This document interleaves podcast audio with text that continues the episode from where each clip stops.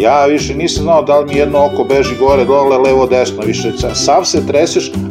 Noćna mora za sve vozače. Niko normala ne bi to prihvatio. Divlji zapad. Dakle, oni da izvuku snagu kad ne skidaju, idu do daske, a ne skidaju mu ništa. Dobrodošli u Novi Bici Svet podcast. Pri kraju smo sezone, a mislim da ćemo i sa ovim podcastom mi završiti sezonu, jer ostaje samo Lombardija. U ovom podcastu obrađujemo svetsko prvenstvo i Paris Drube, jesenji Paris Drube, koji, kome se praktično niko nije ni nadao, bili smo ga već i otpisali, pošto ga skoro dve i po godine nismo videli, a što neko reče, prošli put kad smo gledali Paris Drube, tada i Pogačar nije bio čak ni profesionalac, bio je u, u amaterima. Tako da, dočeka smo i tu trku i to posle 19 godina po blatu i kiši, ali ajmo redom, prvo svetsko prvenstvo. Laziću, reci nam kojim vozačima se bavimo. Dakle, ove godine, 2021. imali smo svetsko prvenstvo, e, čije domaćin bila, bila Flandrija, dugo iščekivana trka, start je bio u e, Antwerpenu, a cilj u Levenu. Ne baš, ona, ne, ne baš ona brda koja tradicionalno, gled, tradicionalno gledamo na, na Flandriji, ali rekao bih jednako zanimljiva, čak i neka onako prilično atraktivna brda smo gledali u ženskoj konkurenciji trku je pobedila na blago iznenađenje, bar što se mene tiče, Eliza Balzamo iz Italije. Italiji donosi ovaj, pobedu u drumskoj trci e, koja se e, vozila u subotu 25. septembra. Iza nje je bila e, Marijane Vos, a treća je bila Polja, Poljakinja Neivi Damova. A kad smo već pomenuli Italiju, ajde da pročitamo i rezultate sa, sa hronometra, odnosno da pomenemo, jel, e, još jednu pobedu Filipa Gane nedelju dana ranije e, i nekako italijani ne mogu da, da prestanu da pobeđuju sport ove godine, tako da smo gledali i Ganu na najvišem podijumu. O, negde se očekivalo da ćemo gledati e, borbu između njega i Ivan Arta na tom hronometru, što se i desilo i na kraju ono 5 sekundi ih je delilo moja cela Belgija navijala za, za Vota, ali ništa od toga. E, videli smo na kraju i taj sportski pozdrav između njih dvojice, što je, što je vrlo lepo. E, kasnije ćemo mi da pričamo o hronometru e, i da li, je, da, li je, da li su neke finese na biciklu napravile razliku od tih 5 sekundi ili, ili je to ovaj, Gana sjajno natempirao. E, što se tiče muške konkurencije, e, trku nedelju e, na razočarenje cele belgijske javnosti i publike na stazi odnosi junačko srce Julijana Alaphilippa, šoumena današnjeg pelotona koji je onako raskrinkao sve moguće taktike i netaktike ovaj, belgijske ekipe i svih ostalih i iskrao se na nekih 17 km do cilja i, i, i sjajnom vožnjom ušao u cilj solo, onako videli smo da su mu svi ovo, izviždali, ali on ono, na svoj način proslavio, proslavio tu pobedu druga za redom titula svetskog šampiona. Ja sam negde mislio da posle Sagana nećemo vidjeti tako nešto dugo godina, ali, ali evo već 2021. vidimo duplog pobednika back to back, što se kaže Julian Alaphilippe. Um, Dylan Van Barle je bio na drugom uh, stepeniku, a Michael Val Valgren u sjajnoj formi uh, uzima treće mesto na, na ovogodišnjem svetskom. Uh, nedelju dana kasnije nismo daleko morali da idemo ovaj, nešto malo južnije u Francusku, predgrađe Pariza i cilj u Rubeu, dobro poznata trka Paris-Roubaix, prva nakon proleća 2019. godine, kao što Đole rekao, svašta se od toga izdešavalo, uh, što bi rekao Rob Hatch na, na, u prenosu na Eurosportu, čak je i Messi otišao iz Barcelone od tada, od, od posljednjeg Paris Rubea. Uh, dan ranije, uh, to jest u subotu, 2. oktobra, gledali smo žensku trku i, i ono, sjajna, neverovatna vožnja. Elizabeth Lizzie Daignan, ovaj, koja, koja pobeđuje Marijane Vos ponovo druga, kao što je bila druga na, na svetskom, tako je druga bila i u subotu. M, takođe, kao, kao i za mušku, kao i, i uslovi kao što su bili za mušku trku, kiša cele nedelje padala u severnoj Francuskoj, pakao severa je pokazao pravo lice, ono, još, e, još opasnije. Ovo je bila inače prva ženska trka ikada, tako da je istorijski moment za ženski biciklizam i uh, Lizzie, Daignan, uh, Lizzie Daignan odnosi prvu tu pobedu sjajno vožnju. Videli smo da je i ona imala problema da, da, da ne padne, ali na kraju sjajno ono, uspela da, da održi bicikl i, i, i preveze se preko te mokre kocke i blata i, i bara i čega sve ne. Uh, u nedelju veliki spektakl, posle ovaj, prva trka posle 2002 da imamo mokar Paris i mi smo negde pričali tamo ovaj, u onom podcastu kad je bila Flandrija da, da ja sam rekao da je možda čak i dobra stvar što je pomereno za, za jesen jer tu je možda veća šansa da će pasti kiša i, i to, se, to se i ostvarilo na, na radost nas, ali verujem na ono, noćna mora za sve vozače. Kao što smo i videli juče, smo gledali epsku trku. Uh, ja ne znam da li sam gledao bolju jednodnevnu trku u životu.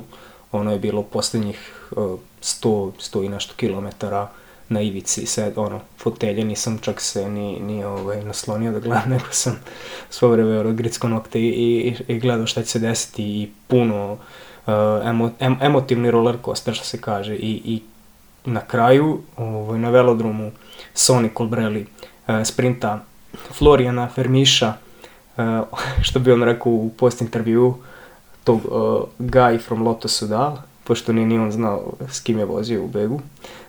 pored treći plasiranog Matthew Van Der Pola.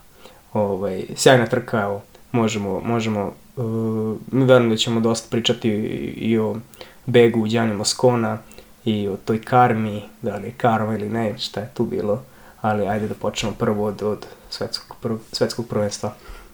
Hvala Laziću na ovome obe trka što ti kažeš epska, jedna da je najbolja, ja bih rekao da su obe najbolje, ne, mrtva trka je koja mi je bila bolja i svetsko prvenstvo je krenulo ono, ja se uključio neki 180 km do cilja i vidim grupa cela, idu svi ko avioni, šta se ovde dešava čoveče. Tek sam posle vraćao i vidio da je bila još pre toga jedna velika grupa, ozbiljna grupa koja, koja je otišla, pa, pa je tu trebalo uh, dobro da se potegne da se uhvati ta grupa i posle kad su krenuli nije bilo stanja. A kad si pomenuo da je to bilo u Belgiji, ja samo da dodam da tu bilo milion i jedna krivina i ono da su ljudi morali iz praktično iz svake te krivine da sprintaju i onda smo na kraju videli da samo jedan po jedan samo se gasili, ono, bukvalno, ne znam ko je prvi, ko se prvi tu ugasio od te grupe, koliko ih je bilo, 17 napred, a i Pitko kad je rekao, kad je napadao a, Julian Alaphilippe kao, gde će ovaj čovjek, ili ovaj lud, ono, znaš, kao, kazniće ga trka, ugasit će se posle, međutim, nije se ugasio Alaphilippe i, i, i ja mislim da pored ovog Rubea i ovo svetsko je bilo ono, bara bar, najbolja jednodnevna trka koju smo od, koju odavno nismo uh, gledali. A i kad si rekao ovo za, za Flandriju, mislim da je što se ovog Rubea tiče, najžalije bilo Kaspreno Asgrenu koji je imao neverovatnu formu na onoj, na onoj Flandriji kad je sprintao Matthew Van Der Poola i to je praktično da je kalendar bio normalan, treba da prenesi na Rube, međutim, evo, taj ludi Matthew Van Der Poel je ponovo u formi, ponovo na podijumu, a Kaspena, Asgrena nigde praktično nije bilo ovde. I što se mene tiče, ovaj Rube je super bio baš zbog toga što su potpuno drugi momci bili u formi sad ovo, na kraju oktobra. Ono, Colbrelli No, ja ne znam ni da li je bio na, na pola forme u, u aprilu, nisam ni gledao šta je vozio u aprilu. Tako da su to, da kažemo, o, moje suma utisaka sa, kra, ukratko sad ovako za početak podcasta sa, sa obe trke. E, dobro večer svima. E, ja ću se zadržati za početak samo na svetskom prvenstvu. E, meni je ovo svetsko prvenstvo pokazalo dva, pa možda čak i tri velika gubitnika, na možda najveća gubitnika ove sezone. E, prvi gubitnik je ženska reprezentacija Holandije. Znači, e, oni su po, po nekom mom ovaj, e, e, skromnom mišljenju Brazilci u, u što su u futbolu, to, su, to je ženska reprezentacija Holandije u, u biciklizmu. Ne zna se ko je bolji od boljeg. E, praktično njihovih pet vozačica ima više titula nego ceo peloton zajedno sve da se seberu. I imale su takvu jednu, ja sam, ako se dobro sećam, prošle godine kada je u Imoli bilo svetsko prvenstvo, E, na sva usta nahvalio kako su ovaj, e, e, osvojile prva tri mesta na, na, na svetskom prvenstvu, kako su divno radile jedna za drugu. Ana van der Bregen je, je osvojila prošle godine, isto je ovaj, Borgini probala da je uhvati, ali se za nju zalepila Annemiek van Vleuten i treću grupu koja je pokušavala da sve to prespoji je Marijana Vos držala pod kontrolom. Znači, bukvalno su pustili, kao, ti si danas najjača od nas, ok, idi, idi uzmi prvo mesto, a mi ćemo da ti čuvamo leđa. I to je bilo fantastično. Ovde smo imali prilike da vidimo u ženskoj trci da poslednjih 30 km je se odvojila grupa od 30 vozačica, možda malo manje. Od njih 37 je bilo holandskih vozačica, koje bukvalno ništa nisu uradile čekale su do 8 km do cilja da krenu da ispaljuju napade. I time jednostavno omogućile tim e, slabijim, fizički slabijim ovaj, reprezentacijama da se ne troše. Tako da su i francuskinje i italijanke pogotovo završnicu trke do, dočekale prilično sveže, obe, jedna i druga ekipa su imali po 4-5 takmičarki, mogli su da pariraju napade i praktično napadi koji su usledili u posljednjih 8 km su bili prilično jalovi, na kraju su italijanke najbolje odigrale i uzele šampionat.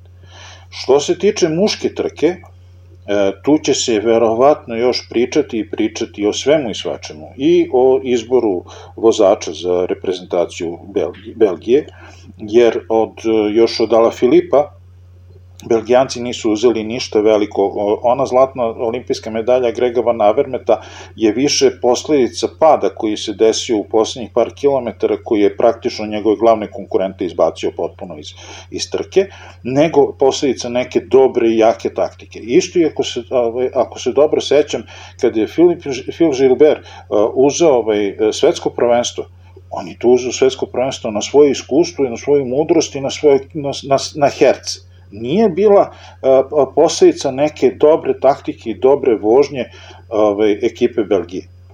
Ono što smo videli sad na ovom svetskom prvenstvu je sve drugo samo ne vožnje jedne reprezentacije. To što se posle povlačilo, imate pun internet na tu temu, na kraju krajeva nađite Remka Evenpola i nađite Vuta Van Arta i pročitate njihove izjave. I ono što je nama svima bilo potpuno neverovatno, gde si krenuo na 180 km od cilja? Znači, da si, ne znam, da si Superman. A, da sad ne, ne, ne razvodnjavam ovaj podcast koji nije posvećen jednom vozaču, u svakom slučaju, uh, uh, Belgijanci imaju puno, puno uh, uh, glavobolje i puno tema za razmišljanje šta će i kako će dalje, jer uh, onaj, uh, prvo što su dočekali da svetsko prvenstvo bude kod njih kod kuće, drugo, njihov glavni selektor je povuko dva radikalna poteza, Grega Van Avermata i Žil, Fila Žilbera nije uvrstio u tim, a, ovaj, što je s jedne strane što se tiče rezultata koji su imali do sad sasvim opravdano, s druge strane možda im je trebao jedan od njih dvojice da svojim iskustvom stane na kočnicu, da podvikne, da nešto uradi. A, oni su svi očekivali, e sad smo se pojavili sa najjačem mogućom reprezentacijom na svetu i sad će svi da popadaju sa puta. Neće očigledno. I taj pritisak koji smo imali prilike da vidimo sve vreme mene navodi na to da a, ono što je Milan rekao u, u najavi u, u, u tom kratkom uh, sižeu ove dve trke, jedno vrlo pa, ajde najbliže da kažem, nekulturno ponašanje publike, koja je zviždala Ala Filipu koji imao i sekjerca i snage da pa, napadne u pravom trenutku i da se sam vozi do cilja to zviždenje koje se, i ono što je, kažu, bujanje, je bilo potpuno neprimereno. Njegova vožnja nikakve veze nema s tim što su njehovi vozači praktično ostali kratkih rukava i što nisu napravili nikakav rezultat. Tako da kad se setim ovog svetskog prvenstva, ja ću se sećati te tri stvari, naravno bilo je tu i mnogo lepih stvari, ali nažalost ove tri jednostavno su fleke koje nisu bile, koje su mogle da se izbegnu, aj tako kažem. Da, ne treba zaboraviti koliko je veliki biciklizam u Flandriji, posebno kao ovakva staza i ovakvo svetsko prvenstvo i vozač koji ovaj, je favorit da osvoji. Znači, oni su već upisali uh, pobedu na, na, na svetskom. Izašli su, ne znam, ne znam jeste gledali, to je preporuka i slušat, slušalcima našim da po, uh, pogledaju uh, Deronde uh, after movie od prošle godine, znači 104. Deronde, kao napravili su pre trke, posle trke, svuda su bile postavljene kamere po kolima, ovaj, tim ovih uh, sportskih direktora, pa u kolima policije, u kolima u, komentatorskim kabinama, po kućama, ovih što su od kuće prenosili. I ne, policajci, znači se voze, ovaj, obezbeđuju ono start, gledaju da li je staza čista, ono pre karavana samog prolaze pola sata.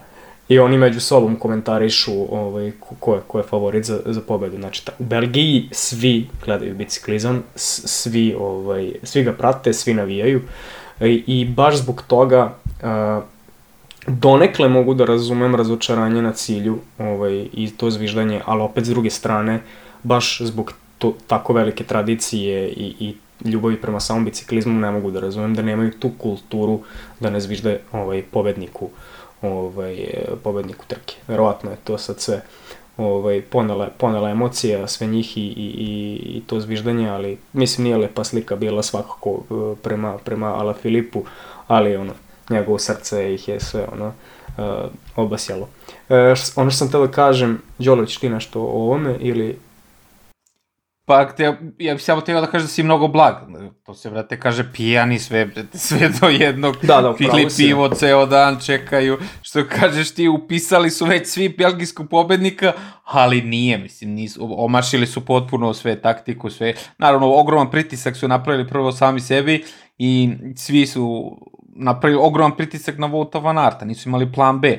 Remko Evenpol je mogao da bude svetski prvak, ali i on, tu je rekao bih i nesporazum i Remko je mnogo još uvek mlad i, i sve to, jer on je 7 dana pre uh, pre trke najavljivo da je 100% on sam za Vuta Van Arta. I onda 7 dana posle trke kaže, e, ja sam mogao pobedim svetsko. Pa, vrate, znaš, čuti sad. Za publiku, to, to su 100% pravo, to se složi s tobom, jer Ala Filip je čovječ u belgijskom timu, znaš, ono, mislim, bit će ti majica u, u tvom timu svetskog prvaka i svi navijaju tamo, ono, za, za quick step ili za, za loto, znaš, tako da, ali, ajde, razumeš, ceo dan pijani, vrate, i... Da, videli smo da na, i na cilju lete i, i, i čaše piva, ono, to, dobro da ga nisu na kraju pogodili, ovaj, čaša piva. Ali dobro, ovo, ono što sam teo da kažem za, za Remka, njegova izjava nakon, nakon trke je da, da je Belgija izgubila ovo svetsko prvenstvo tako što nije njega postavila za vozača, odnosno da je, da je bio on ovaj, pretvorio ovu pobedu, da je bio prvi vozač. Opet, onako, i mislim da su i to neiskusne izjave koliko god velika bila želja i sve. Ako si se već odlučio da, da budeš ovaj, timski kolega, da, da budeš domestik za, za, za Van Arta i potencijalno as, uh, ukoliko se tako promešaju karte da možeš da ideš na pobedu, nema šta ti posle trke da, da ostavljaš takve komentare, to, to, to uzburkava javnost, to uzburkava i samu reprezentaciju, I, i, ali, opet, tamo sam napisao kod nas na grupi prgavje, a znamo i svi kakvi su ovaj, šampioni, prgavi su, zato što žele tu pobedu više nego išta. Ono što meni nije bilo jasno, kad sve to uzmemo u obzir, znači da je, e, mislim da je to velika greška ta, e, taktička belgijske reprezentacije i njihovih ono, trenera i sportskih direktora, to što to što nisu rekli Remku da treba da bude, e, da ovo sve radi što je krenuo da radi na, na tih 178 km do cilja, kad je skočio kroz Nefoa na ovom prvom brdu, on je prvi ga markirao, znači to ne treba da radiš na 178 km cilja, tu su i Tižbenot i ne znam, uh, ostali, ostali iz, iz Belgije, Viktor Kamparnaca, oni treba da skaču na, na 200 km do cilja da markiraju napade, da bi se skinuo pritisak uh, sa Belgije da, da ne budu na čelu. A, ti treba da budeš uz Van Arta na 20 km do cilja, na 30 km do cilja kad se odlučujući napadi događaju, da, se, da tad markiraš ukoliko se desi da, da neka reprezentacija ima višak u odnosu na Belgiju. To mi nije jasno zašto je, zašto je morao Remko ceo dan sam da markira sve napade. Da li je to bila njegov kao revolt, time što nije kao bio prvi vozač, pa je on, ja sad ćete da vidite šta ja sve mogu da uhvatim, uh, a, i onda na kraju ta izjava kao šlag na tortu, e vidite šta sam sve hvatao celu trku i nisam imao snage zadnjih 20, 20 km, da ste mene izabrali, ja bi, ja bi pobedio. Mislim da je neprimereno i to je ono, uh, pokazuje koliko on zapravo nema iskustva u ovom trkanju, videli smo i ono mahanje rukom na džiru ove godine po onim belim putevima. Znači sve to ukazuje na to da on još nije sazreo kao vozač i da, da a ukoliko uporedite njega sa recimo Pogačarom, ovaj, jasno se vidi razlika u razmišljanju, u, u, shvatanju biciklizma i, i, i trkanja. Znači, mora još, mora još mnogo da uči od, od starijih kolega. I, i, i treća stvar, ovaj, uh, čini se da je to što sam ja sad mislio da je Remko zapravo bio Jasper Steven. Znači oni su, oni su na njega bacili ovaj, jel, te, tu kao drugu kartu, da on bude Joker ukoliko, ukoliko Van Aert e, ne bude ovaj, mogao da odgovori ko što i nije mogao da odgovori na taj napad. Uh, ali videli smo da on, ni on nije mogao ništa tu da uradi kad je, kad je Ala Filip otišao, njih četvorica su tu kao nešto menjali. Sjajni ovaj uh, Nelson, uh, kako se zove, Powells, da, i, i ovaj, Valgren, on i Ivan Barle, oni su, jesu menjali, radili su fino njih četvorica, ali Njola Filip kao, kao metak ulazi ono do, do, do, do, potrošio sve mišiće, sve, sve tetive, ligamente i na kosti je na kraju ulazio. Znači, svaka čast. Ono, ja nisam sad neki veliki fan Ala Filipa, ali kad sam video koliko želi to, ono, chapeau, monsieur. Ja ću da verovatno još jednom milion puta tokom ove zime i kažem i napišem i pokažem, pa na kraju kraju ako treba da dokazujem metar po metar dok uradit ću to. Uh, mislim da svi generalno pravimo grešku što uh, prvo što kao što pravimo grešku sa sa ovaj roglom pa kao mlad vozač mlad vozač on nije mlad vozač on on je on je uh, nema tu kilometražu i nema te godine na biciklu kao većina pelotona, ali je on zreo čovek. Isto tako, Remko više nije dete. On ima 21 godinu. I on je već, koja ovo, četvrta godina u pelotonu. U vrhunskom timu, vozi sa vrhunskim vozačima pored. Trebalo bi da ga vode vrhunski ljudi. I ja, bez obzira što na svetskom nije bilo radio veze, sigurno je bilo dobacivanje iz kola, od Sonijera sa strane, e, nemoj da uradiš to i to. Ali on je upravo nastavljao to da radi. U biciklizam nije tako, ne možeš u sred trke da kažeš nekome sad ti letiš kući ćao zdravo ideš i s tim. On je bukvalno čekao samo da, da, da krene trka i da vozi svoju trku kako je njemu palo na on je nešto što se ranije zvalo, ja verujem da i danas postoji ta diagnoza, emoci, e, emocionalno nezreo. I on će se ovako ponašati i sa 27 i sa 30 i 35 godina. To što ima jako veliki broj pobjede, evo i danas je pobedio na jednom italijanskom klasiku malo. E, opet je pobedio solo napadom. E, tek će quick step, verovatno, sve do bude pobeđivo, gledat ćemo se kroz prste onog trenutka kad bude počeo da posustaje u, for, u formi, a uopšte nije isključeno da ga uhvati Dolce Vita kao mnoge koje je uhvatila, pa da krene malo i da dobija kilažu i da, da, da gubi na snazi, da vidite onda šta, gde će da bude. Jer ovako ono što radi, e, kratkoročno sad dan za dan često se isplati. Dugoročno i kada se gleda iz, iz ugla grupe, a trebalo bi jedna reprezentacija da bude jedan mehanizam, jedna grupa, on je potpuno beskoristan, čak destruktivan. Uh, Jaspera su verovatno ad hoc proglasili za alternativnog džokera. Jer, uh, verujem, i, to, to je, pročito sam negde između redova, nigde nije, ne znam, eksplicitno rečeno, trebali su uh, Remko i Wout van u posljednjih 50 km da uđu zajedno. I onda, ja, ja verujem da Wout van Aert nema taj problem. Wout van Aert je veliki čovek i on je, jedan put je Đorđe rekao da je negde pročitao da Wout van Aert jednu grešku ne pravi, istu grešku ne pravi dva puta, da strašno brzo uči i strašno brzo prihvata savete. Ja verujem da je Wout van Aert recimo na 40 km osetio da je slabiji od Remka, da bi mu prepustio do liderstva i rekao ja sad vozim za tebe. Ne bi niko trebao da priđe sa strane da mu kaže to radiš tako i tako. Nikakav problem. Na kraju krajeva gledali smo kako Wout van Aert gine za roglu kad treba. Da li ste nekad videli ove, Remka za bilo koga u svom timu da radi nešto? Pre mesec dana sam gledao uh, trka oko Danske. Pogledajte prvu, drugu etapu trke oko Danske. On se već tad spremao za svetsko i tad se spremao da, da pobedi na način kako je on umislio da će da pobedi. Imali su sasvim ko zna kakvu taktiku, on je potegao na 50 km takav napad da njegovi nisu mogli da ga stignu. Izgibuše po drumu da probaju da ga stignu, da vide šta se dešava, gde si krenuo, ti nikakav, to nije nikakav ovaj, plan. Na kraju su celu tu etapu potpuno uprskali, jer su potpuno ostali bez snage, jureći svog čoveka.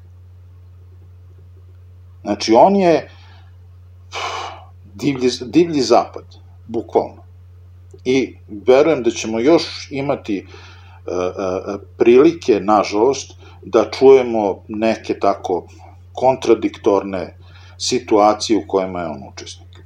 Ja sam već posumnjao onda kad je vukao ono kao lud.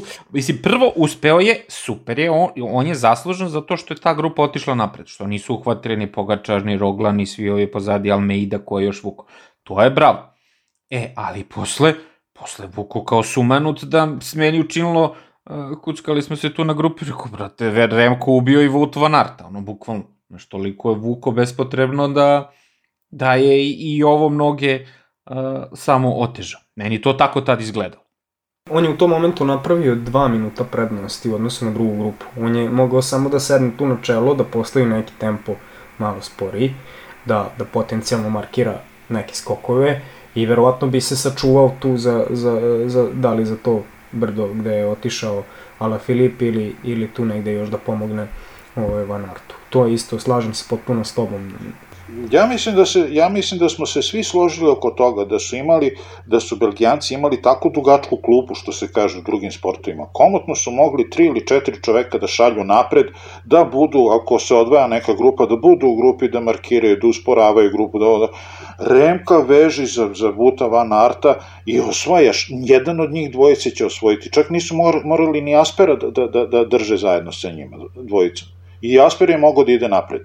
Da, ja mislim da čak i De Klerk, njegov vozač iz tima, jedno vreme nešto s njim žustro raspravljao, kao, alo, mali brate, čekaj, smiri se, ono, kad je još De Klerk tu bio, znači, i De Klerk i, i Dylan Tunes je nešto s njim isto imao, znači, tu, ono, kao, brate, čekaj, gde ćeš, stani. Ali, ajde, što kaže Svetioničar, daj, ne posvetimo ceo podcast jednom čoveku, ono, složili smo se da je uprskao i to je to.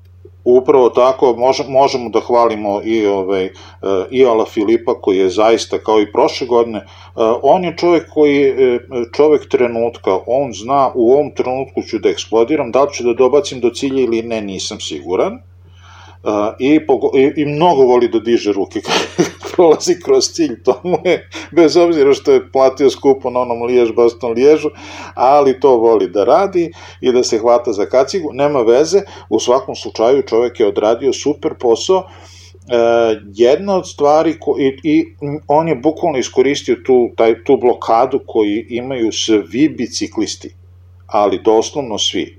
Kad jedan krenu napad pred kraj grupe, ostali prvo što urade, gledaju se. I prvi, prvo, zna, kao, kako ću, sad ću ja tebe pogledom da ubedim da ti ideš da spojiš ovoga, da se istrošiš, a ja ću da idem iza tebe i da, da budem odmorno na kraju da dobijem trku. Znači, to je, bukvalno se tu gube dragoceni minuti, gubi se tako to dragoceno vreme koje uglavnom se nikad više ne nadoknadi. I svi oni to znaju, oni su odrastali s tim, postoji taj neki refleks, da li to neka ljudska sebičnost ili šta je u pitanju, ne znam. E, samo dok nisam zaboravio, kad si rekao odrastali sa tim, Valgren je posle uh, sutradan napisao na Instagramu da je presrećan što je treći i da je, da je to super, ali da su svi oni u prvih pet isto godište, 92. i da se trkaju još od juniora zajedno. znaš, ono, to mi je ono, kao, odrastali su, brate, zajedno, svi, tu, ova prva četvorica, uh, Ala Filip, uh, uh, Valgren, Valgren, Van Barley i Jasper Stenstein. da. I kad pogledamo, ja bih samo tu još dodao da je Ivan Barl drugi uh, vozač bio u Holandiji, znači iza Matthew Van Der Pola, i da je Jasper Steven drugi vozač, da kažemo, ajde i treći čak bio u, u, u belgijskom timu. A i Valgren je posle, kad je rekao uh, koliko su oni pehova kao reprezentacija imali, tamo videli smo da je Petersen pao preko Matea Trentina, to je isto uh, bio veliki hendikep za Italijane, kasnije za Colbrelija, nije, Giacomo Nicolo nije mogao da isprati Ala Filipa na, na onom brdu kad je ovaj napao poslednji put, možda bi Trentin mogao da je bio tu, ali on, prebio ga, pregazio ga ovaj, Pedersen, bivši, takođe bivši svetski šampion. I onda kad je Valgan baš sutradan je rekao kao, kad, onda sam shvatio da je na meni, ono, bukvalno i on je bio neki tamo, možda nije bio prvi izbor danske reprezentacije, jer svi su ostali poodustajali, kao, uh, čoveče, I onda kad pogledamo, znači od ove četvorice, petorice, ono, Nelson Paules, znači, niko, ja mislim da nije se ni nadao da, da, će, da će on biti tu. Prvi, prvi, prvi e, e, pravi indijanac američki koji je ost- ostvarao velike uspehe ovaj, na, na trkama. Ja, me, ja sam toliko fasciniran time, on je iz sportske porodice, njegova sestra rođena je isto biciklista u nekom r- poluamaterskom razvojnom timu u Americi, ovaj, iz plemena Oneida. Nikad čuo za njih do sada, ali eto, ovaj, e, ušao je čovek u istoriju svog naroda, što jest, jest i svaka čast na tome. A, ono što, što me takođe oduševilo, to je e, Van Barle. Znači, čovek koji je, e, on, ajde ono, za većinu nas potpuno nevidljiv čovek. Sto, Ineos ga postavi na, na početak koji pelotana i vuci taj taj tempo toliko i toliko kilometara i ćao zdravo, ne očekuje se ne znam šta od njega.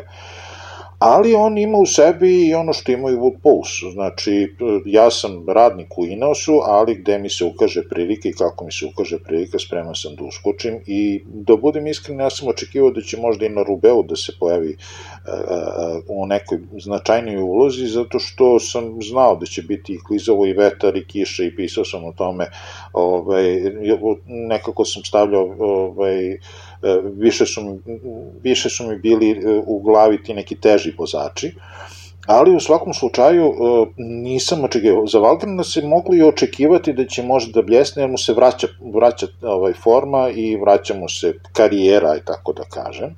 Jasper Stojven je već čovjek 10 godina, tu malo, sve, sve, sve vreme se mota oko vrha, ovaj, i e, o, ali za, za, za Van Barla nikad ne bi pomislio da će na svetskom da, da, da bude na podijum.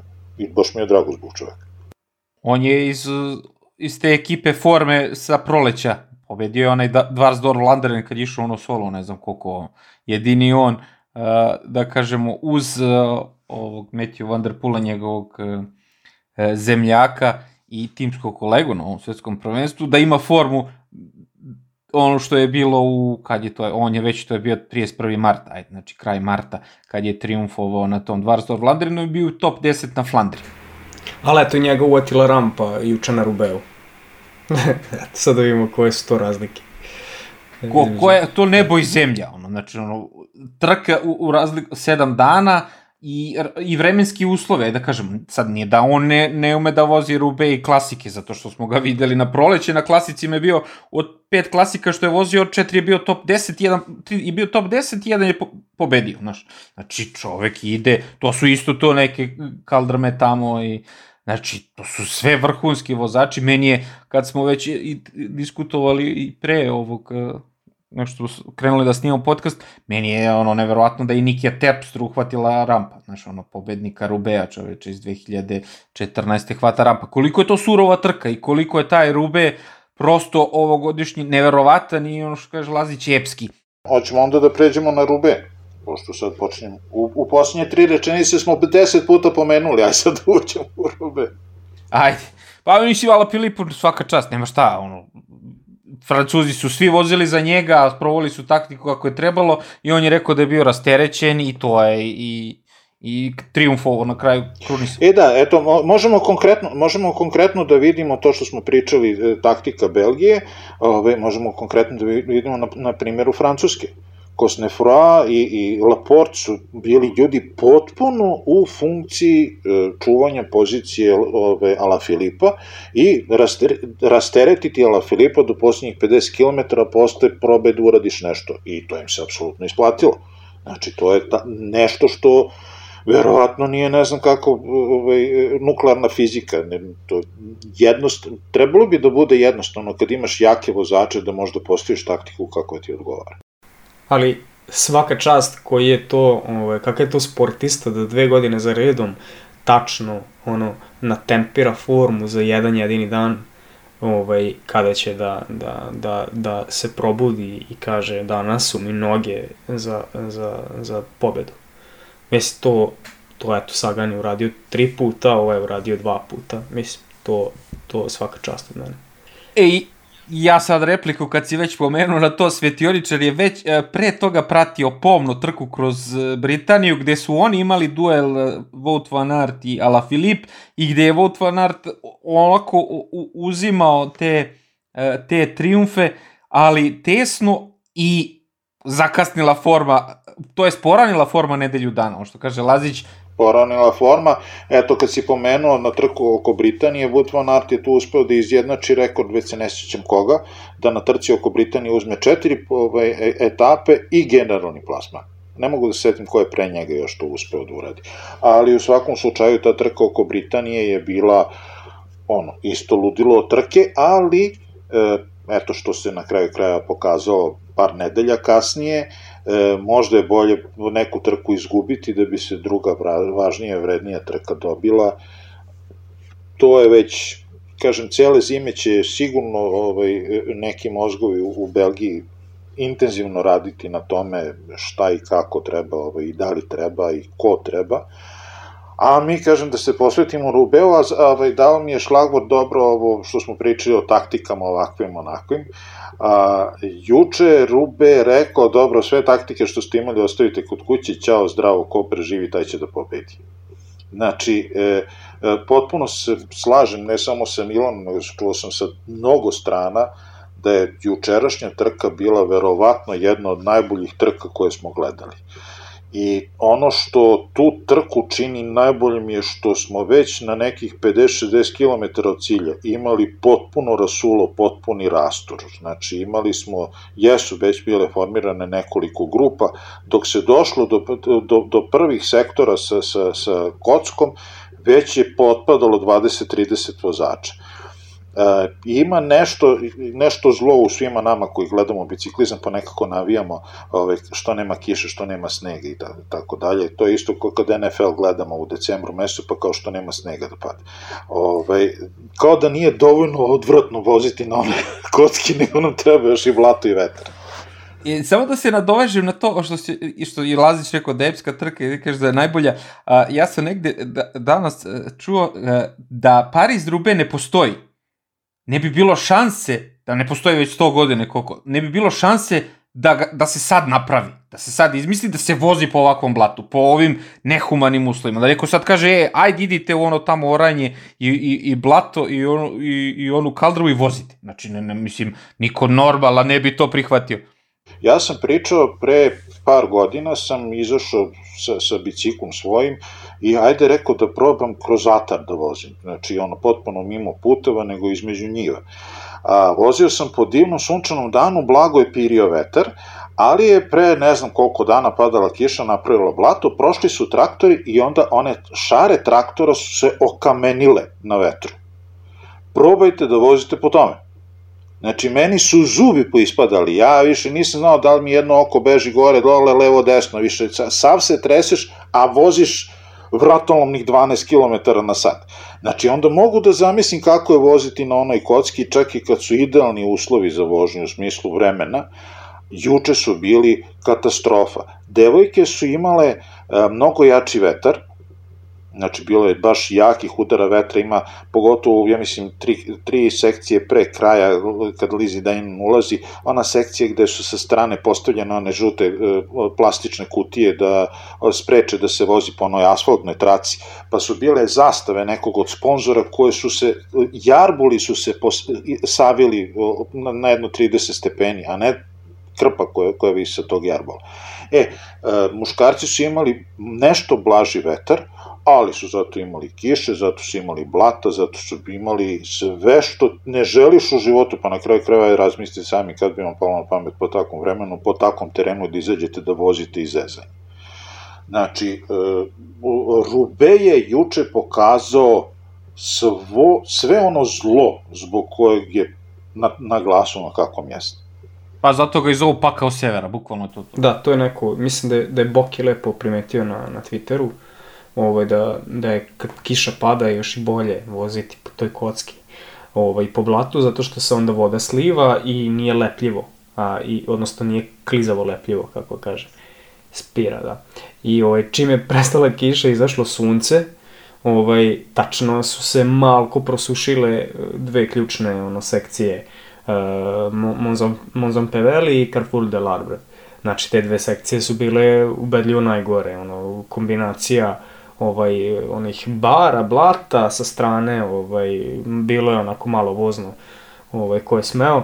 I, i, i ovaj, tačno onako po sredini možeš čim, čim malo zagaziš ovaj, na jednu od, od ivica, letiš dole. Videli smo strašne padove, ono, čak i pre kocka i na kocki, aj sad doći ćemo do Muskona, ovaj, ali ovaj, da, bilo je, bilo je jako tehnički zahtevno. I mene je začudilo u onom momentu kada je na pokol breli, ja sam tu već video kako, kako padaju ono sva trojica. Znači, ako padne jedan, nasložit će ih svu trojicu.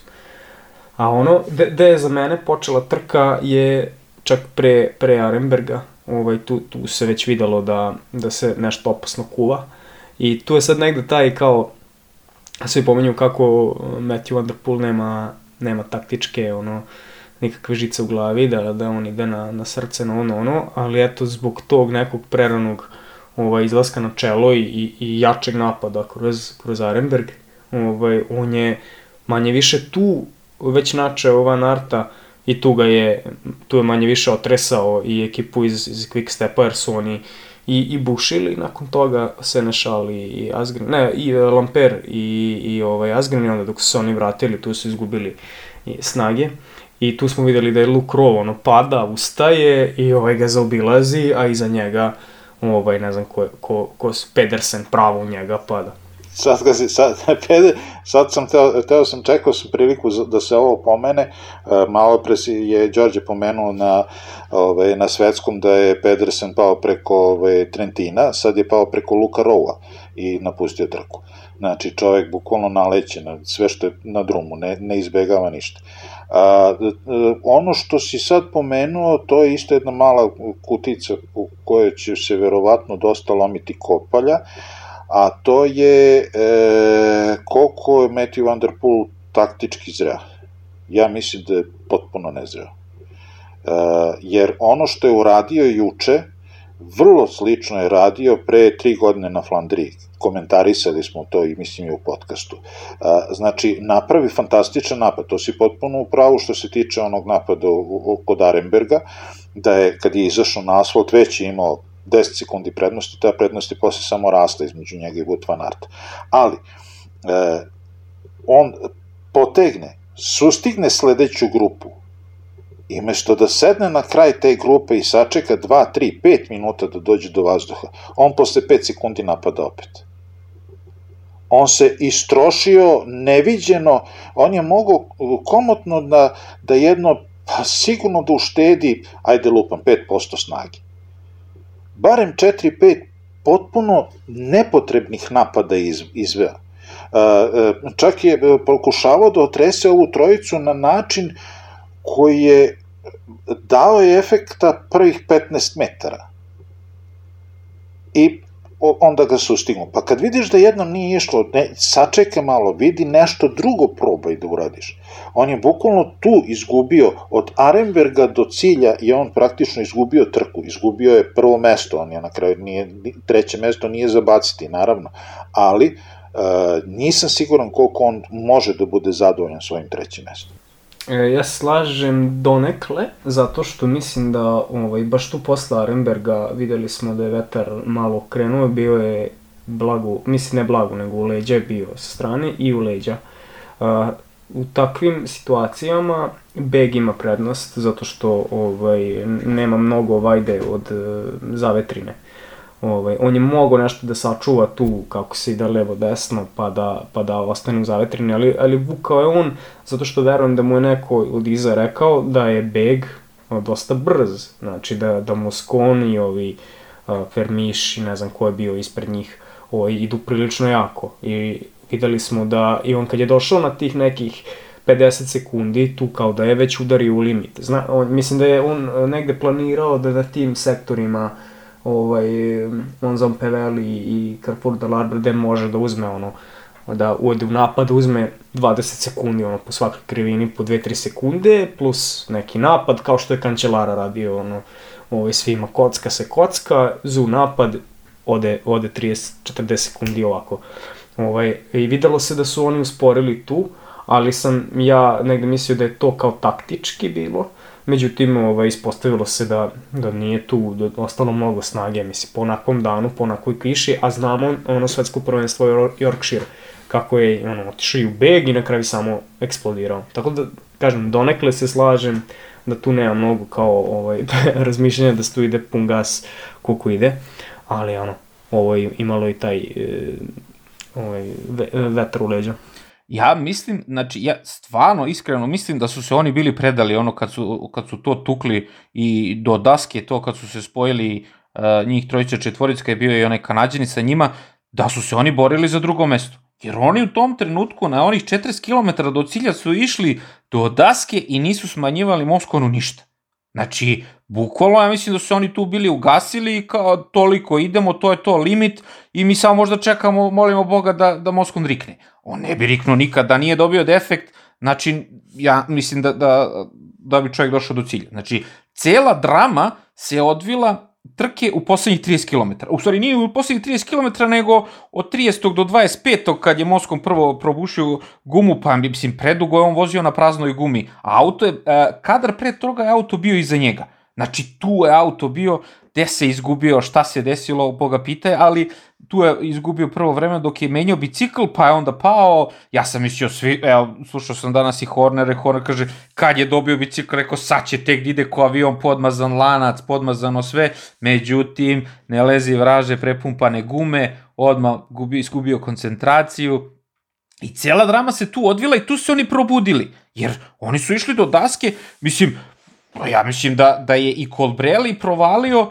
tek tada kao, e, pa ovaj Van der Pol je riknuo, mogu bi ja možda i ovde da menjam s njim, pa i da, da nešto bude. Jel, a, i, i Colbrelli je posle rekao, ja jutro, ono, mislim da neću da dođem do cilja. Znači, a ja sam to i napisao na Twitteru, ono, pobedić, pre starta, pobedit će ekipa koja bude rekla, e, ljudi, daj samo da, da prođe ovaj dan, da živi dođemo do cilja. Bukvalno su takvi vremenski uslovi bili. A ovde bilo par grešaka koje su Wout van Aert napravio u onoj šumi, u Arenberg šumi što je kasno krenuo iza, pao čovjek ispred njega, tu je izgubio do, pozicije par i to je 10 metara i on nije mogo. Štibar je bio s njim 5 metara iza i nije uhvatio čovječ. Znači koliko se tu jako išlo već tada.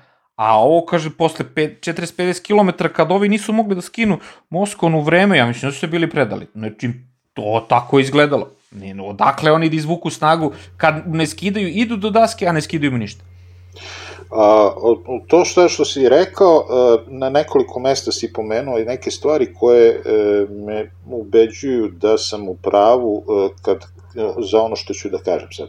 A, to je da e, malo pre ste isto pomenuli e, koliko je značajno u nedelju dana potrefiti formu, pa taj je to primjer Ala Filipa koji je na Britaniji dobio po ušima jedan, drugi put, treći put, a onda došao na svetsko po uzu svetsku. A, e, Wout van Aert e, od praktično tog razočarenja na svetskom bukvalno tone. A pritisak ne jenjava. Svi kažu, ajde, dobro, prošla je ova trka, ali sad ovu ćeš sigurno da uzmeš. Wout van Aert je na kladionicama bio prvi e, kandidat za ovu trku. On i Matthew Van Der Poel su bili u par procenata samo razlike. Znači, i dalje je a, izložen pritisku i koliko god je mentalno stabilan, mnogo stabilniji od Remka, od Matthew Van Der Poel, od mnogih drugih koji se ovih dana vrte po, po, po naslovima, a, iza njega izgleda previše. I to što nije osvojio svetsko, što je čak bio prilično loš na svetskom, će biti jedna, još jedan problem više i za kompletan belgijski tim i za Jumbo Vizmu da preko zime osveže da ga puste, nek ide, neka divlja na ciklokrosu, nek se isprazni malo, bez ikakvog očekivanja za bilo kakav rezultat, ali na proleće neka dođe svež, neka dođe restartovan od nule, ono, formatizovan. Hoćeš kažeš jedan problem više za Roglu do godine? pa, znaš šta, ne bi me iznenadilo, prvo, uh, uh, Van Aert je pokazao na milion načina da je čovek za generalni plasman i da je čovek za velika dela. Uh, nisam siguran koliko će još da, da, da čeka svoju priliku i da vozi za nekoga. Ja mislim da, da Jumbo Visma mora pod hitno njemu i Sepu Kusu da nađe neke velike trke gde će oni biti prvi vozači ovaj, svoj, svoje ekipe. Inače će se ekipa raspasti. Znaš, možda budeš najbolji na svetu na kraju kraja šta se desilo u Skyu sa Gerantom Thomasom koji je rekao neću da vozim za Fruma, idem da uzmem Tour de France. Sreća pa je uzeo, što je bilo da nije. Znači, to se sad, svi ti veliki vozači, ta velika imena, jedno je da ti, kad ti izgradiš uh, svoju reputaciju kao odličan radnik, svi se otimaju za tebe i svi te hoće i ti znaš, ja sam radnik, ja sam taj koji vuče ispred mog čoveka. A drugo je kada ti kroz svoje rezultate, kroz svoja dela pokažeš, pokažeš, ej, ja sam taj koji treba da bude čuvan i mažen i pažen da na kraju osvojim ono što treba se osvojiti. Tako da, biće, biće tu svega i svačega, a a o, jučerašnji Rube je pokazao da je ogroman broj vozača preumoran. Znači, jeste bila brutalna trka, to nema zbora ali pogledajte, više od pola vozača nije završilo trku. Mnogi su odustajali, još, nije, još se nije došlo do kocke, se nije došlo, oni su počeli da odustaju. Stali samo tu, znači neko je juče pričao, neko od komentatora, mogu se sjetim ko, da je Oliver Nasen, koji je odličan klasik vozač, i dao intervju nekoliko dana pre Rubea kao, ljudi, ja samo čekam da ne vidim više bicikl. Znači, toliko je dugačka bila, ne ova sezona, što kažeš predraža, nego ona je spojena sa onom prethodnom, znači mi smo... Da, da, da, da, ona prošlo proleć, prošlo jesen je bila koncentrat. I posle takve koncentracije trka oni su imali isto vreme, možda, ne, kraće vreme za, za oporavak i uleteli su full u ovu sezonu. I sad je to došlo na naplatu. Ko se čuvao, ko se na kraju kraja, Ala Filip je jednostavno nestao bio posle Tour de France čuvao se pametno, gradio svoju ovaj, e, formu, osvežavao se kako je trebao, šta je trebao i to, to mu se na kraju isplatilo. Mnogi nisu, mnogi su glavačke skakali iz trke u trku. I jednostavno su pukli. Da, ja bih rekao da Đorđe, mislim, lepo rekao za Moskona, iako je to novi bicikli, ono podmazan lanac, sve bi trebalo da, da, da fercera ono, bez, bez problema. Mislim da ipak su mu bile ovaj, predovane gume za te uslove, jer on je vozio na tom biciklu ovaj, od početka i oni malo, mislim, više ovaj, naduvaju gumu, ono, koji, e, koju frakciju bara više da bi se izduvalo ovaj, taman toliko do kraja, da bi imalo više gripa na, na tim ključnim sekcijama, a opet da ne bude ovaj, bušenja, što na kraju jeste bilo bušenja ovaj, e, zadnje, zadnje gume. I mislim da je previše on odskakao tu, videlo se da, da je u kombinaciji sa umorom i, i, i baš imao problema da drži onako u, u toj pravoj liniji bicikl. Ovaj, nešto slično kao i, i Lizzie Dagnan koju celu, celu trku odvezla fantastično i tek pred kraj krenula onako da, da se, da se klati leo desno i ono jedva izvukla ono, ono, ono jedan moment. Zapamti gde si stao, a, a, sad će možda neko da pita, a što mehaničar nije napumpao? Pa ne može da zna kad će ovaj dobije defekt i kad će nekom trebati bicikl. Videli smo, ljudi su padali, ovaj Mitch Dokar pao u prvom kilometru, brate. Znači, zamisli koliko je on strah čovjek imao, on je pre neko, peše, ovo mu je inače poslednje, Mitch Docker Education First, znate svi da pratim pomno Education First, da uđe u zapisnik, dva čoveka su bila u prvih deset na svetskom, zaboravim ih malo pre da kažem. Znači čovjek je pre nekoliko godina pao na Rubeu, no, tu, kako su uleteli u tu Arenberg šumu, on je pao, razbio vilicu, zube, sve, znači on je imao strah godinama posle toga da se vrati i sad je izabrao da završi karijeru na Rubeu, završava karijeru i kreće u trku i prvi kilometar, vrate, pada. Znaš, i I, I tu su ljudi bušili gume, tako da ne može ni mehaničar da pripremi baš... Pazi kad, i, pazi kad i od toga ima gore. Čovek iz Alpecin Feniksa ode na, na ono zagrevanje trk, da prođu stazu dva dana pred samu trku i padne i slomi ključnu kostu. Znači, još nije ni počela trka, već je uzimala danak. Znači, ovaj Rube je, ne znam, neopisivo. Tako da, to je Rube, mislim, to je Rube, ono, ja sam, uh, slušao sam danas Hinkap je imao najbolje, što se mene tiče, najbolji, najbolje objašnjenje te trke, ono, znaš, svi skreću na trku, znaju da je u najavi da će neko da padne, znaju da će sigurno da padne da probuše gumu, kad su ovakvi vremenski uslovi. Ali, niko, znaš kad ulaziš u krivinu, da možeš odatle da izađeš ambulantnim kolima, jer on kaže, ja kad sam bio najbolji i ulazim na Monzen PVL, da li je bilo Monzen PVL ili Carrefour Labor, znači, ovo je moja forma života, ja nikad se bolje nisam osjećao. Kaže, ja sam iz te sekcije izašao u ambulantnim kolima. Ono kad mu pukla vila, ne znam koja tamo godina. Znaš, ti bukvalno ne znaš ništa, ne znaš iza krivine šta će da te snađe, da li ćeš izabereš dobru putanju, pogotovo što oni ljudi su juče na sreću išli po onim barama, ono, ti ne znaš je onda, ti, ti znaš da su ovi popravili tu put, ali čoveče ti, ti ono voziš na slepo, pogotovo što juče najmirnije praktično bilo u ovoj grupi napred i tu je vozio mali Vermirš i, i to mu se isplatilo. Jer pozadi ti mora se boriš sa 200 ljudi, se guraš, ovaj pada, o, znači videli smo i motor je pa onaj izlomi kameru, Znači, totalni haos. Ono... To, što, to što si pomenuo, eto sad to voženje napred i sve to odmah me podsjeti na Matthew Hajmana, koji je pri, ovaj, ispri, rekao, kaže, ja sam ceo dan bio u begu i ja nisam pobedio Bonana zato što sam bolji sprinter, nego sam bio odmorniji u glavi. Ja sam ceo dan vozio sa grupom vozača napred i tačno se znao, sad je moj red na smenu, ja je vozim napred, oni vozi za mene, kad prođe moja smena, povučem se na kraj, drugi voze za mene, nema, ne razmišljam o tome da li će neko da me gur, još je bio suv dan, bilo je mnogo lepše vreme, naravno, i onda ne razmišljaš da li će neko da te gurne, da li ćeš da sklizne, da li će neko te pokupi kad padne.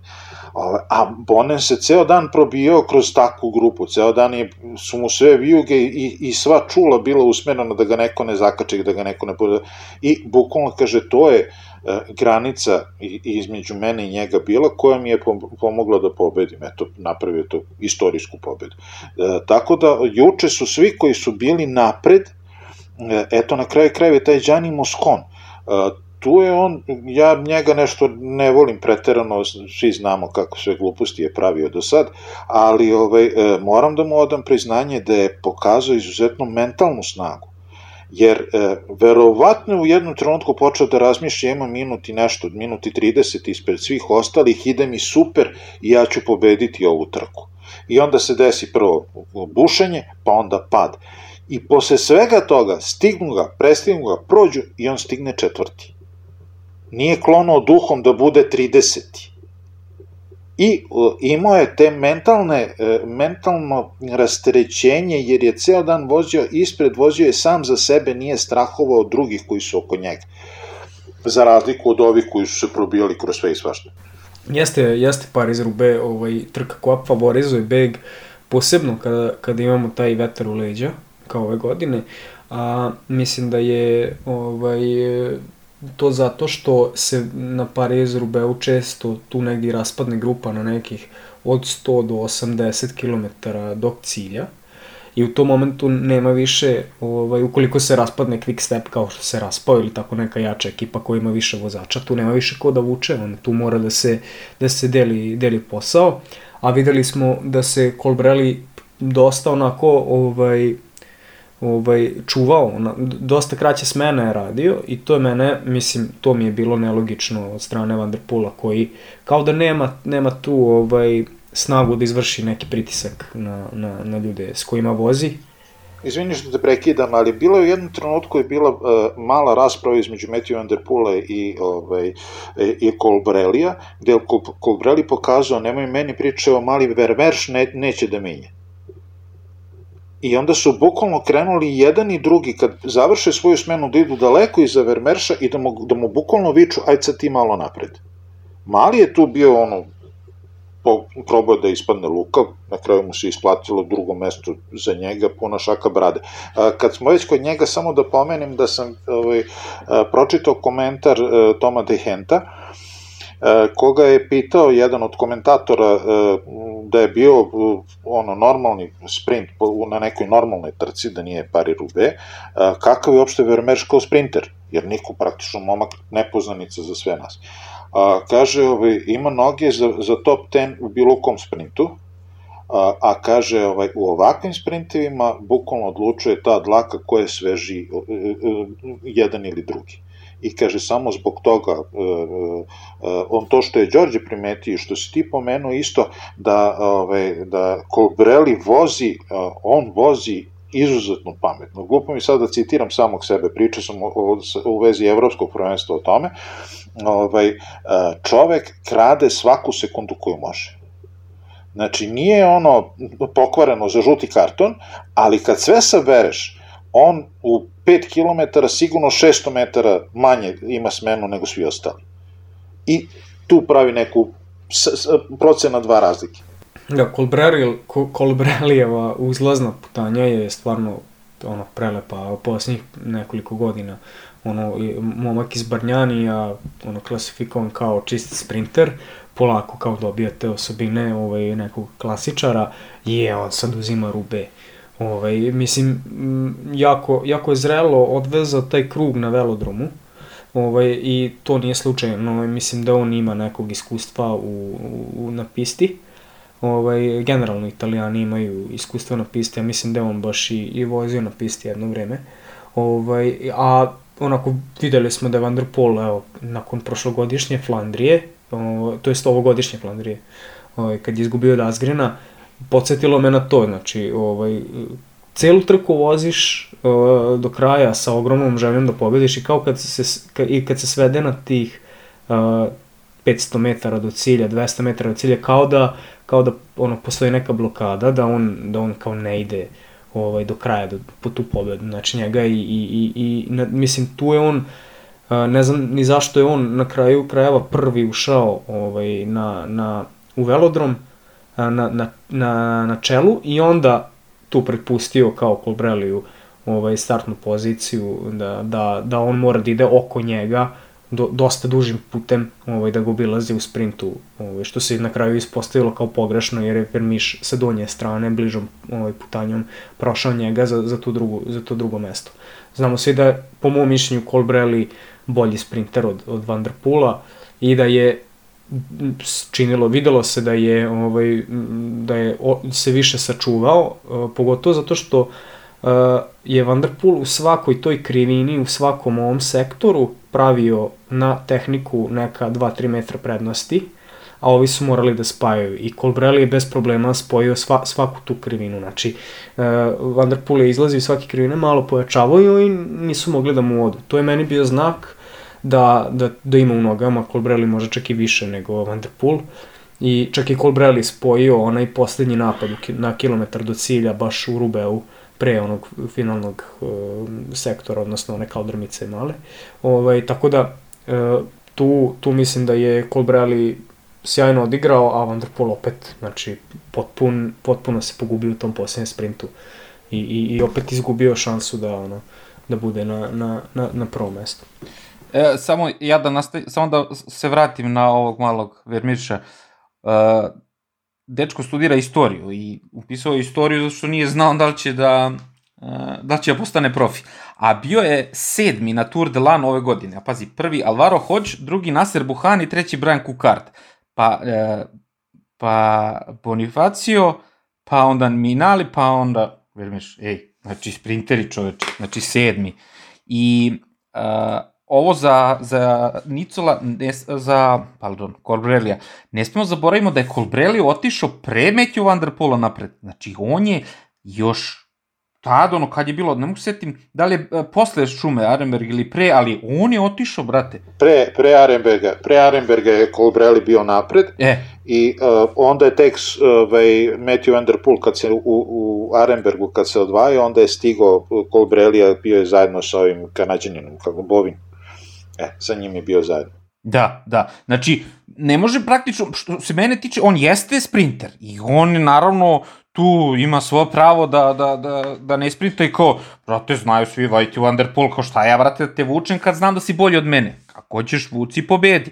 Ovaj mali Vermirš, brate, ja sam bežao ceo dan, evo vam vaša trka, vozite. Znači, i na kraju su se dogovorili, ej, imamo zajednički cilj, treba stignemo prvo Moskona. Pa ajde radimo, ali ovo isto što, što kaže Lazić i Predrag, opet je Matthew Van Der Poel malo više tu vuko, što ono kao, brate, desi, šta si zapeo, polako, stani, čekaj, znaš, i oni treba isto da vuku. E, ali s druge strane, samo još da istaknem da je Niki Terpstra sa 31 godinu osvojio Rube, da je ovaj, eh, Greg Van Avermaet isto sa 30 godina osvojio Rube, a Colbrelli eto sad ima uh, 31 godinu i ono, forma života, Svetioničar ga je prozvao, uh, ko nije gledao, Svetioničar je pogodio pobednika kad si pravio onu emisiju U par petak. dana pre toga. U petak. Petak, znači, forma života, znači, ali treba sve i da se poklopi kockice, treba i srcem da odvezeš, treba i sreće da te posluži, da se ne probuši guma, i, o, znači, sve je odradio kako treba. Znači, prvi je napao, odo ja, pa vi dođite. Znači, otišao napred. Onda čekao da rikne malo Matthew Van Der Poel, pa je vidio kao, e, brate, ovaj riknuo, mogu da menjam. Pa onda, puh, ali ne stižemo nikako ovog Moskona čoveče, ide ko nevreme. I onda kao ništa, ajde, drugo mesto, dobro, zadovoljno. Znači, on je i, da ne pričamo kroz istoriju njegovu karijeru, pa ja mislim da je 50 puta bio drugi. Znači, on je bio spreman da izgubi trku. Znači, on je bio spreman, je, znači, i jutro je rekao, samo dođem do cilja. Mislim, nije se, možda, nije se, kaže, nadao da će da završi trku.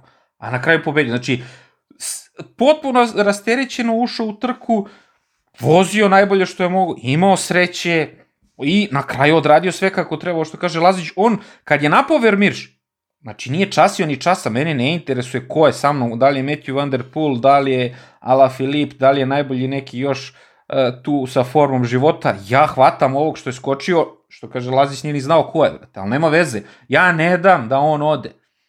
I to je to, i na kraju je odradio sve na velodromu kako treba, a i Vermirš je odradio kako treba. Znao je da prvim treba da napadne, znao je da treba sa unutrašnje strane, što me isto zapanjuje kad pogledaš dečko ima 22 godine. Da je mogo posle tih 6 sati da razmišlja tako, mali svaka ti, brate, čast.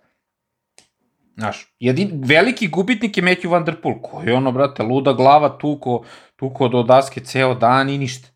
Znaš, mislim, na kraju kad ono vidiš da leži ko da je mrtav, čoveče, ne možeš da ne saosećaš sa njim. Ali, dečko, znaš, tvoja luda glava i tvoje noge koje su jače od svih ovih zajedno mm, su dovele do toga da si ti prvi veliki gubitnik. E, ono što je, e, nijedan poraz nije strašan, to je sastavni deo sporta svakog, pa i sastavni deo života. Strašno je kad iz poraza ne naučiš. Strašno je kad ne, iz, ne, izvede, ne, iz- ne izvučeš neke pouke, da to više ne ponavljaš. Opet ću se vratiti na ono što si pominjao one godine za Vuta Van Arta. On jednom izgubi, jednom napravi glupost, sledeći put ne pravi istu tu glupost. Hvala Bogu ima gluposti koliko hoćeš, pa uvek ima neka nova da iskoči. Ali, dobro je da ne praviš dva puta istu.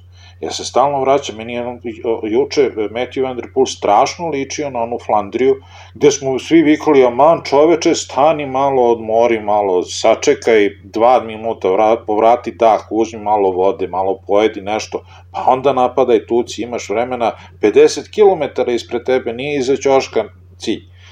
Ali eto, on, ne znam, E, Dan, dobio sam jedan odgovor na Twitteru tipa on vozi srcem. Pa ne, sve je to divno i, i svi mi volimo da sve vozače koje voze srcem, ali izvini, Colbrelli isto vozi srcem.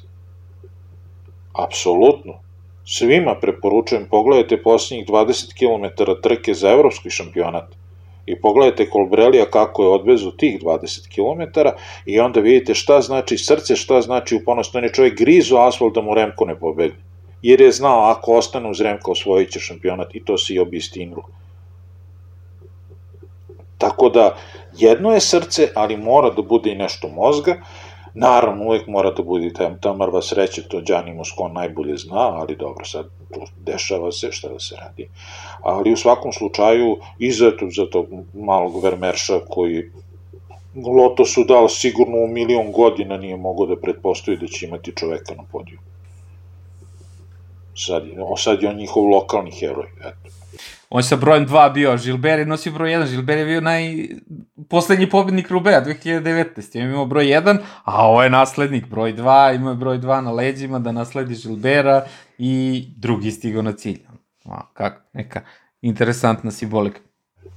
U svakom slučaju trka je bila, e, ako ikada budemo pravili top 5 trka koje smo gledali, ovo će sigurno biti u tih top Ja ne smijem da, evo, prođe pola, sat, sat i po, e, nismo pomenuli Rajovića, moram samo da kažem da, e, da Rajović nije završio i da mu je i tekako krivo, da, e, danas mi je pisao da e, ono što je, teo sam se nadoveže malo pre kad je Svetioniča pričao da se Dekoni Quick Step raspao, Delko se raspada na kraju ove godine, ali ne da se raspada na kraju godine, nego već se sada raspada. Znači, Rajović je dobio nepripremljen bicikl za rube. Znači ono kad, mislim, kad ti da mehaničar raspad bicikl, da, da mu je preskakao lanac, nešto nije bio uh, kompatibilan sa kasetom, prvo to, pa onda, znaš, kad uđeš tako u 100 km gde nema kaldrme, šta će te čeka posle? Znači, i onda je posle i, naravno, i defekt, i pad, jer jednostavno što, što kaže Hinka, kad ovako trku voziš, znaš da moraš padneš, kad je ovako klizao, kad je ovako blatište,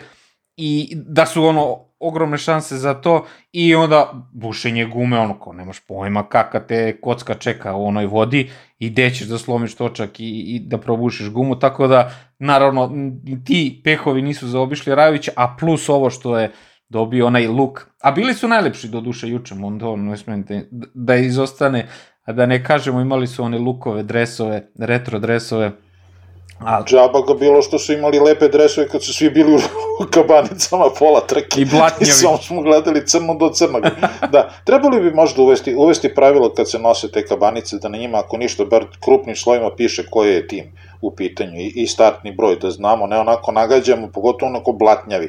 I danas što je napisao naš prijatelj Pavle, ovaj, rudari u štrajku kreću biciklima na Beograd, bilo je baš ona scena kad je Matthew Van Der Poel vuko, potpuno crn čovjek, potpuno prekriven, ne vidi mu se oči, ne vidi se ni, ni trunka boje se, ne vidi ni na njegovog bicikla, ni njegovog dresa. Ove, ovaj, a svi, pola pelotona je tako izgledalo, većina. Tako da, ovaj, džaba bilo to, tog redizajniranog dresa, kad nismo imali prilike da ga vidimo. Videli smo nešto malo, onaj žuti rukav i, i onu crvenu, crvenu prvogonik na levom ramenu, ali to je bilo baš redko, redko. A jeste videli sprinterice eh, Matthew Van Der Poola na kraju? Bele. Ne znam, jeste videli kako je u šuci sa pa, belim sve skinuo kamaš. Skinuo kamašne i... Samo bele noge. Pa sve je spremio da, sve je spremio da proslavi pobedu na Rubeu, ali više sreće sledeće godine. Ne znam šta. Ne, najbolja scena je kad ih peru posle ovih, oni, onim šmrkovima za auto, bukvalno, ne, ne možeš skineš on... Pa, pa ja, ja sam gledao na, na kraju ženske trke, šampionka Australije, je stala pored neke kuće gde je baba jedna iznala ona Kircher ovaj, ovaj, šmrk pod pritiskom za tepihe i bukvalno je kupala tako. Živa istina, nema možda se, da se nađe na Twitteru. Mislim, ja bi ponovo pomenuo ono, što, to, mi, to me oduševilo danas, to mi je ono, rekao bih, otkrovenje dana, po, dan posle Rubea, da ono kao, da Rube ne postoji, ne bi bilo šanse da ga izmislimo ovako, da, da, da se... Da, zamisli koliko bi se boraca za ljudska prava pobunilo da se ošto organizuje ovakva trka, čovjek. Znaš, ono kao da, da, ka, Strašno. da sad odvedeš ljude koji niko ne zna sad za Paris Roubaix i da kao da ne prate biciklizam i da ih pokažeš sad ono plato i, i, i one tamo njive i ono kaldrmu i one, one vode i one kolotrage i kao, e ovdje sada se trkaju, kao, nek biciklam, kao, molim, šta? Mislim, pritom još, ono, sa elektronskim menjačima, ono, još veći paradoks, znaš, koliko njih je, ne znam, kome, ono, mislim, uh, koliko je sad tu menjača, nećemo ni znati, otišlo onaj safe mod, videli smo kod nekog i ono kao samo se ugasi menjač, mnogo, mnogo vibracija, mnogo ono, šokova za taj, za taj kompjuter i za sistem i kao, brate, je i meni mnogo kao gasi kompjuter, robot, robot gasi menjače, znaš, mislim, Nije humano. Da, ne, da, ne, da pomenemo i diskove koji znaju da naprave ohoho posekotine kada, kada ulete tako više vozača jedni preko drugih. Pa ja mislim, jeste to, ali diskovi su ovde jedini, da kažemo, plus na ovakvoj trci da su imali šanse da koče. Pa nisam siguran koliko si u pravu s obzirom da ovaj, e, možda ne znam toliko mnogo o biciklizmu, ali recimo u vožnji kolima po ledu probe da zakočiš u mestu. Šta će da ti se desi? Pa, mislim, ovde kočenje u mestu je pogu, pogu, pogubno.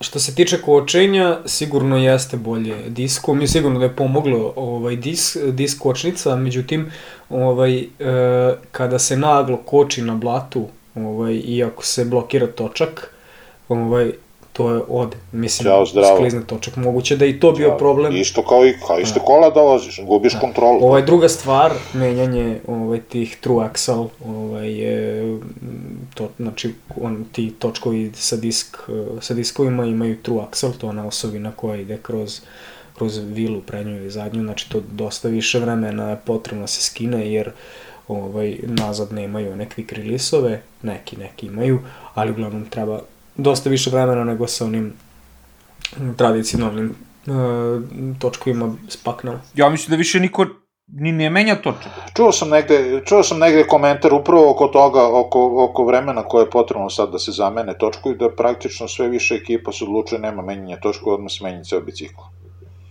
Jer previše vremena se oduzme. U, u najboljem slučaju 25-30 sekundi se gubi. U najboljem slučaju. Ne može brže. Uf, šta, šta još da kažemo? Ili imamo još... Ništa da najavimo Lombardiju. E da, još jedno stav smo zaboravili da pomenem, znači samo jednu rečenicu, u, u, u, kad se sve sabere, uh, uh, uh, i na kraju krajeva i evropsko i svetsko i Rube, koji su svi išli ono za praktično 10 dana jedni za drugih, uh, veliki pad forme Slovenaca. Znači, e, ne znam ko se manje video, ne znam ko je bio manje jedno vreme sam video Rogliča na svetskom, ali on je negde se potonuo usivilo, Pogačar se potpuno ugasio, iako je uporan bio da ide i na, na hronometar i na drumsku vožnju.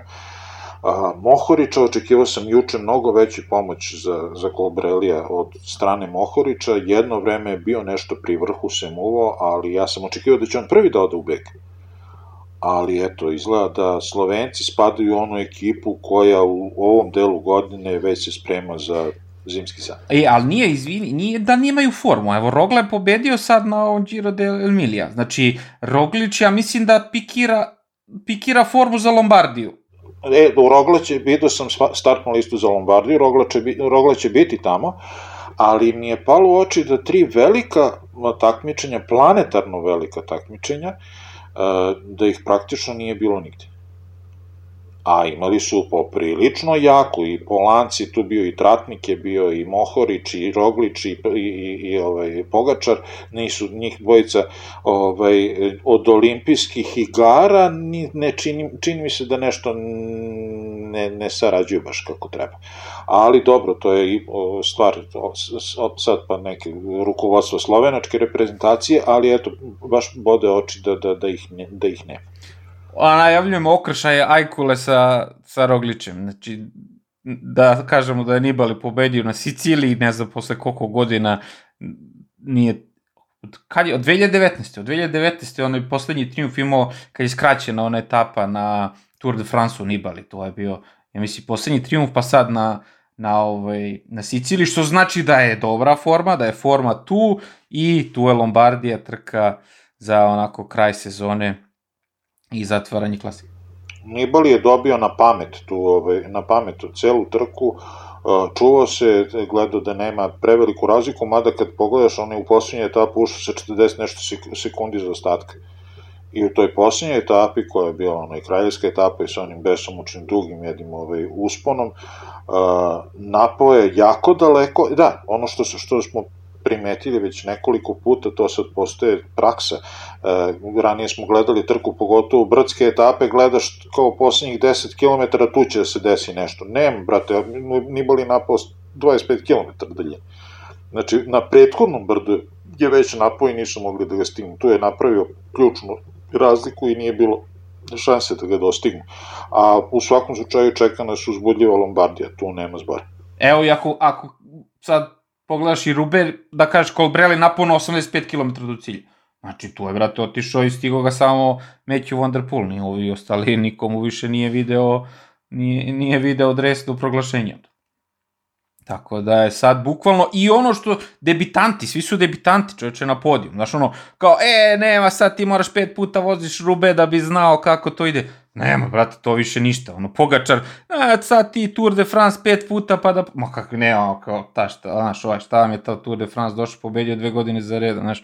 Mislim, sve sad ova deca izvrću od ove učbenike biciklizma. Uh, pa dobro, kada pogledaš više nisu, nisu ni deca, kog brali nije dete, ali opet uh, uh, do nekle jeste ta neka dečija filozofija, ja hoću, ja mogu.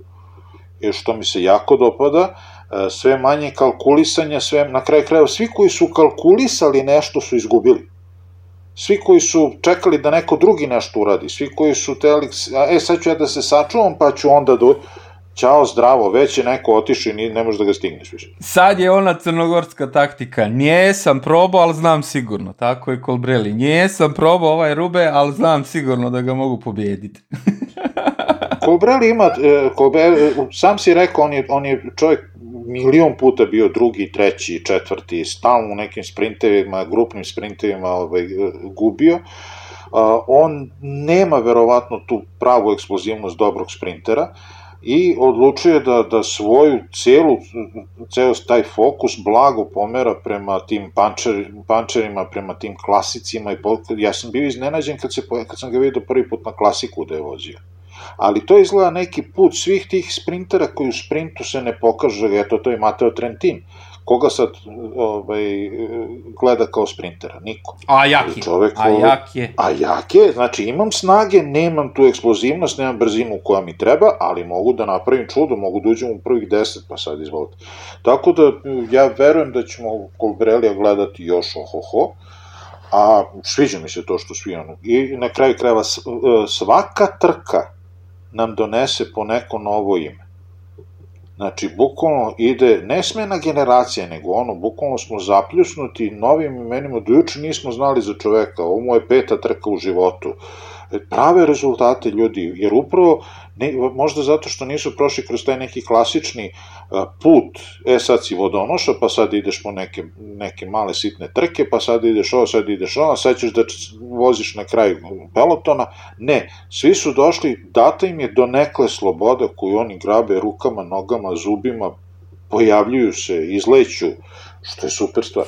E, samo da kažem, aj kad smo već opet kod Kolbrelija, četiri Italijane završilo trku. Znači, poslednji Italijan koji je triumfo je bio 99. Tafi, ja sam to gledao, mogu sa ponosom da kažem, ako da sam gledao tu trku, ono Tafija sa onom kapicom bez kacige, sa, sa onom isečenom kapom koje je ono, probušio točak, probušio gumu i uzeo točak od, od rekreativca, a Kolbrelli je triumfovo, Moskon je bio četvrti, znači Moskon tragičar trke, završili su još Luka Mocato. Ja prvi put sam čuo za ovog čoveka. Aj, bar kaži za koga vozi, da znamo. U rezultatima posle Rubea. Da, evo, BB Hotels, uh, ekipa francuska, znači znamo ih, on, BB Hotel, Luka Mocato, 23 godine dečko ima. Znači, 23 godine dečko ima i Eduardo Affini, koji je iz uh, Loto, uh, Loto Jumbo tima, on je onaj mučenik što ga u Veroni Nicolo pre, ono, prestigo na liniji, na liniji cilja. Znači, a, a Luka Mocato je došao 20. Znači on je 20. Šta je to negde, negde 4 minuta razlike? 5. Svaka čast. Da, mislim, 20 na Rubeo, pa i neke pola sata, znaš. Ne, ne, nego gledam, Aleksandar Krištof je negde oko 20 i nekog mesta 4 minuta za ostatke ima, ne, tako nešto. E, tako e, znači, četiri italijana, od toga dva ova iskusna, da kažeš ono zveri, i dva naslednika Tafija i Kolbrelija i, i Đanija Moskona. Eto, za njima. Sa, sa podmlatkom možemo, rekao bih, da završimo ovo. Osim ako nema da otvorimo još neku temu, pa da osvanemo ovde. Pa ništa, još nije bali da uzme ovu Lombardiju i da italijani ono zatvaraju sezonu. Polak sve su uzeli što Da. može da su uzeli. Malo pre, si, malo pre ste zaboravili da kažete su uzeli i pesmu Eurovizije ove godine. E, to, to, to, to je, To bez toga ništa. to je to. To je to, italijanska, a mislim, to je i Vosko rekao na kraju intervju, da on mislim, njemu svaka čast, kao, ba, na kraju bar je Italijan pobedio, nacija možda bude srećan, kao, vrate, svaka ti čast, ono, znaš, šta god mislili o tebi, kakve god, ali kao, kad ti misliš o, o jaranima kući, da se oni raduju, svaka čast. Ništa, to je to, završavamo ovaj podcast i ovu sezonu privodimo kraj. Budite pozdravljeni s moje strane. Ćao. Hvala puno na slušanju nekom drugom prilikom. Pozdrav do narednih Pici Svet priča.